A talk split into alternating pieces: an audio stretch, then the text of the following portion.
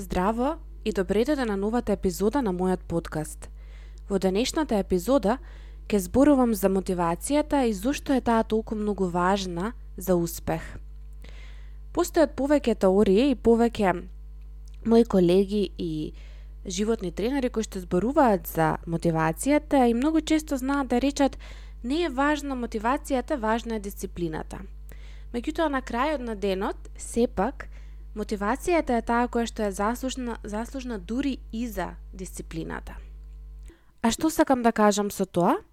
Со тоа сакам да кажам дека дисциплината знае да се измрда, односно да се помести доколку се случат одредени животни настани и доколку мотивацијата потполно опадне. Односно, ние сме секогаш подисциплинирани, односно помотивирани, кога имаме точно одредена цел која што сакаме да ја постигнеме. Кога сме мотивирани, ние сме способни, на пример, да вежбаме, да пишуваме, да работиме и така натаму и не ни е потребно многу време за да ја завршиме таа работна задача или било каква задача која што ја имаме, додека кога не сме мотивирани, нас на вистина ни е многу тешко. Понекогаш на патот ни стојат и некои други препреки, па тоа се причините зошто паѓа мотивацијата, меѓутоа оно кое што мене денес ми е важно е да споделам зошто е толку важна мотивацијата и како може да си поддржиме и да си помогнеме да таа трае. Мотивацијата е многу важна за било која работа која што ја правиме, а најголемиот убиец на мотивацијата е токму уморот. Најчесто. Затоа што кога сме психофизички преморени, мотивацијата природно опаѓа како знак дека ни е време за одмор. И затоа секогаш велам, многу е важно да се одмараме, да земаме време за себе и да не се откажуваме, односно да бидеме свесни дека во ред потребен ни е одмор, но не и да се откажеме. Ова важи за било што во животот. Еве најчесто вежбањето, кое што доста знае да биде предизвик, различните начини на исхрана, работењето, имањето на некое хоби, па дури и самата, самите секојдневни обврски, односно дури и домот за поставување на некои работи во домот, што е сосема нормално да се случи. Односно, важно е да знаеме, да го тргнеме уверувањето што го имаме дека доколку нештото престане, тоа мора е, скроз да прекине, односно дека доколку ние некаде паузираме, веќе не може да продолжи. Важно е да знаеме дека сосема е во ред некои работи да престанат одреден период, да имаат пауза, да имаат време за одмор и така натаму, а потоа повторно да продолжат. Верувам дека уморот секој од нас го искусил и е присутен нормално во различен период од животот на различен начин и најчесто кај мајките уморот многу знае да натежни и многу често мајките се жалат на веќе немање на мотивација за многу работи што ги имале затоа што мајката е единствената личност која што знае што е 24/7 работно време и верувам дека мајките ќе се согласат со ова затоа што сонот се менува, начинот на живот се менува и така натаму, особено со многу мали дечиња. Е сега, нешто што е многу важно е да имаме цел – Која е целта, зошто правиме нешто и доколку ние немаме цел, ние не би знаеле дали тоа е достижно или недостижно. Што ако целта се промени? Што ако целта ни се чини недостижна? Кога животот станува преоптоварен, ние сме премногу зафатени и дел од приоритетите едноставно ни се менуваат. И токму затоа многу е важно да имаме добра цел, односно да знаеме што е оно кон кое што ние целиме. Понекогаш се случуваат настани на дворешни, како што е пандемија, како што е губење на работно место, болест, природни непогоди, финансиска криза, нарушени семени односи и така натаму. И најзначајни фактори се тие кои што доаѓаат од натре, односно кои што зависат од натрешните наши индивидуални психички процеси. Пред да се започне со било какви промени и напори да се врати мотивацијата, секогаш се предлага да се постават две прашања. Првото прашање е која е мојата цел? Односно, што точно сакам да постигнам со ова кое што сакам да го направам? А второто е прашање е како ќе се чувствувам кога ќе ја постигнам мојата цел? И уште еднаш ќе повторам. Двете најважни прашања за мотивација, односно пред да започнете било што. Која е мојата цел? И напишете си на некој лист која е вашата цел за тоа што го правите. А второто прашање е како ќе се чувствувам кога ќе ја постигнам мојата цел. И напишете како се чувствувате кога ќе имате веќе постигнато таа цел. Овие две прашања се магични прашања кои што навистина многу помагаат. Доколку правите нешто кое што нема одредена цел, многу е голема веројатноста да не успеете да го направите, односно да не останете мотивирани. А што е интересно? Интересно е што кога секогаш кога ќе изгубите мотивацијата, имате можност да се вратите назад и да проверите во ред, ова беше мојата цел, дали е се уште тоа мојата цел? Па да, се уште ми е цел, например, да сум здрава. Во ред, значи, треба да се вратам на стариот начин на исхрана, на стариот начин на вежбање, на стариот начин на живот и така натаму. А како јас ќе се чувствувам? Јас ќе се чувствувам така и така. Самото тоа чувство е нешто кое што ќе ви биде мотив и кое што ќе ви води напред во целиот процес на мотивирање. Што е мотивација? Мотивацијата доаѓа од зборот мотив, што значи потреба да се оствари одредена цел. Е сега, постојат два типа на мотивација. Едниот е внатрешната мотивација, а другиот е надворешна. Внатрешната мотивација најдобро може да се објасни ако се погледне во нечие хоби. Што е на например што сакате да го правите без некој надворешен бенефит, односно да се водите по нешто кое што на вистина го сакате без разлика на цената, без разлика на било каква надворешна добивка. Натрешната мотивација е присутна и може да се види кај спортисти, уметници, кај успешните луѓе. Тие се потикнати од некој внатрешен порив кој што е многу, многу мокен.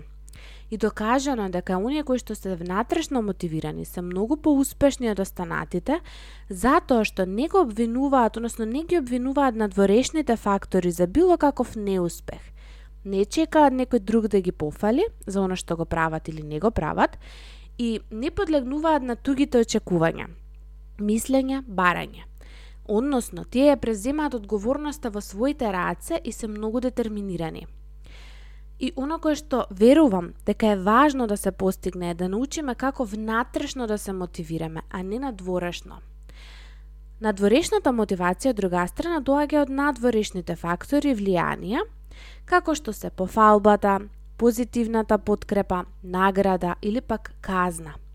Најчесто како деца сме казнувани или наградувани согласно нашето однесување – Родителите многу често ова го прават, надворешно да не мотивираат, па многу често и во текот на животот по полесно ни е надворешно да се мотивираме околу внатрешно.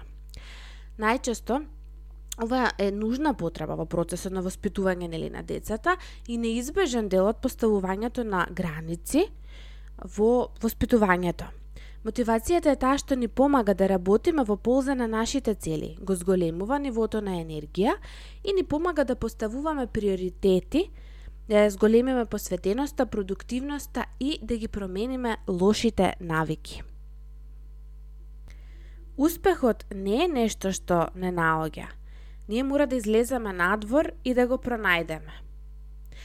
Мотивацијата мора да ни е насочена кон целите, како би имале поголема енергија, односно да ни помогне да можеме да поставиме приоритети, да бидеме многу попосветени, да бидеме многу попродуктивни и секако да ни помогне да ги промениме навиките. И не постои само една причина зошто мотивацијата е важна во животот да се биде успешно, но постојат некои кои што се многу, многу важни.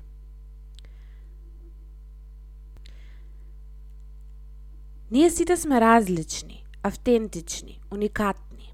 Но постојат многу, многу бројни истражувања во психологијата кои заклучиле дека постојат одредени начини кои што помагаат за повеќето од нас.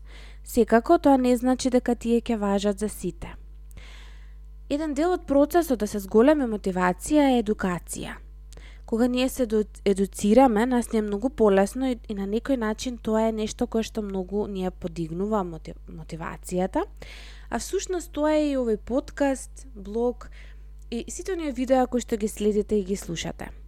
Нешто кое што е докажано е дека во периодот на детството и адолесценцијата се градат навиките кои може да траат во текот на целиот живот и тие најмногу се обликуваат од 6 до 16 година. И мајка и Гова на ум, верувам дека скоро секој од нас би сакал нашите деца да имаат здрави навики и животен стил и нормално и ние да ги имаме. Доколку не сме успеале да ги изградиме до 16-та година, не значи дека не можеме понатаму да ги изградиме, но убаво е да го имаме ова на ум како би се мотивирале. Е сега, Самото таа едукација, односно самото познавање дека од 6 до 16 година се здрават, да се градат и се обликуваат најмногу овие навики, е мотив да секој родител застане и си рече во ред, ако јас сега не делувам, кога? Како до зголемена мотивација? Едуцирајте се за позитивните и негативните последици за одредена појава. Например, доколку имате било каква лоша навика, да дознате нешто повеќе околу неа. Кога ќе ги дознаете негативните последици, верувам дека многу полесно ќе се мотивирате за да ја откажете, односно промените. На вашите социјални медиуми следете само личности на кои што им се восхитувате, односно кои што природно ве мотивираат. Личности кои работат на себе и кои се видно мотивирани. Тури можете и да ги прашате што тие права за да останат мотивирани или како се справуваат кога мотивацијата им опаѓа, затоа што е многу нормално и природно таа да падне во одреден период. Социјалните медиуми нека ви станат место за инспирација, наместо за очај и страф. Секој ден запишувајте ги вашите цели во дневник или на еден лист хартија. Кога однапред гледаме што е она кое што треба да се направи, многу е полесно да се остане дисциплиниран, односно мотивиран. Задоволството од штиклирање на завршена задача е наградата која што всушност си ја давате и чувството кое што ќе ве крепи во процесот да останете мотивирани. Визуализација – Пробајте да фантазирате, односно да се визуализирате себе си во моментот кога сте ја постигнале целта. Фантазијата, како ќе изгледате, како ќе изгледа, не знам, вашето дете, вашите односи, вашиот партнер, вашиот живот. Верувам дека ова е одличен начин за да се доживеат позитивни емоции дури во моментот кога не ни е баш добро. Стимулирате средината во која што престојувате – како може да се го разубавите дневниот престој или работниот престој, а, домот, спалната соба, кујната и така натаму. Многу е важно да средината во која што представуваме е убава, пријатна и стимулирачка за нас. Дружете се со пријатели кои што се позитивни и мотивирани, како би можеле да ја пренесе таа мотивација и на вас. Најчесто ние сме просекот од нашите пет најблиски личности. Доколку сме постојано обкружени со личности кои што имаат ниска мотивација, кои што не ви инспирираат и кои што многу негативно гледаат на работите, многу е веројатно мотивацијата да ви опадне, особено доколку немате премногу внатрешна мотивација. Па така доколку некој постојано ве саботира и ви ја саботира целта, подобро е на одреден период да се тргнете настрана и да се обкружите со луѓе кои што се во таа цел за заедно. Затоа групното вежбање е многу продуктивно, затоа што сме обкружени со личности кои што ја делат истата цел и кои што можат многу мотивирачки да делуваат. Наградувајте се почесто. Вие одберете си нешто кое што за вас ќе биде награда. Секогаш кога ќе извршите одредена задача, дајте си нешто, некој подарок, некој мал подарок себе си. Тоа може да биде нешто кое што и психичко не мора да биде материјално, меѓутоа сусема е во ред доколку биде и материјално. Друго нешто кое што многу помага е слушање на мотивацијски видеа и читање на мотивацијски книги. А, ова е нешто кое што на вистина многу знае да не поддржи во процесот кога мотивацијата паѓа, затоа што и самите видеа се од некои личности на кои што може би им се восхитуваме или не инспирираат, а исто така и книгите се пишувани од некој кој што нас не инспирира. Читате повеќе вакви нешта, повеќе блогови, повеќе книги, повеќе видеа кога забележувате дека мотивацијата паѓа. Друго нешто кое што може да помогне е доколку се најми лайф коуч, затоа што лайф коуч најчесто работи низ мотивација. Исто така, многу помага да се движиме, односно да го движиме телото повеќе, да го користиме многу повеќе во процесот што и да правиме. И Нешто кое што е многу многу важно, односно може би и најважно, е да си дадеме време доволно за одмор. Кога ние ќе се одмориме, мотивацијата после одреден период природно се зголемува и можеме да бидеме многу попродуктивни и многу поуспешни.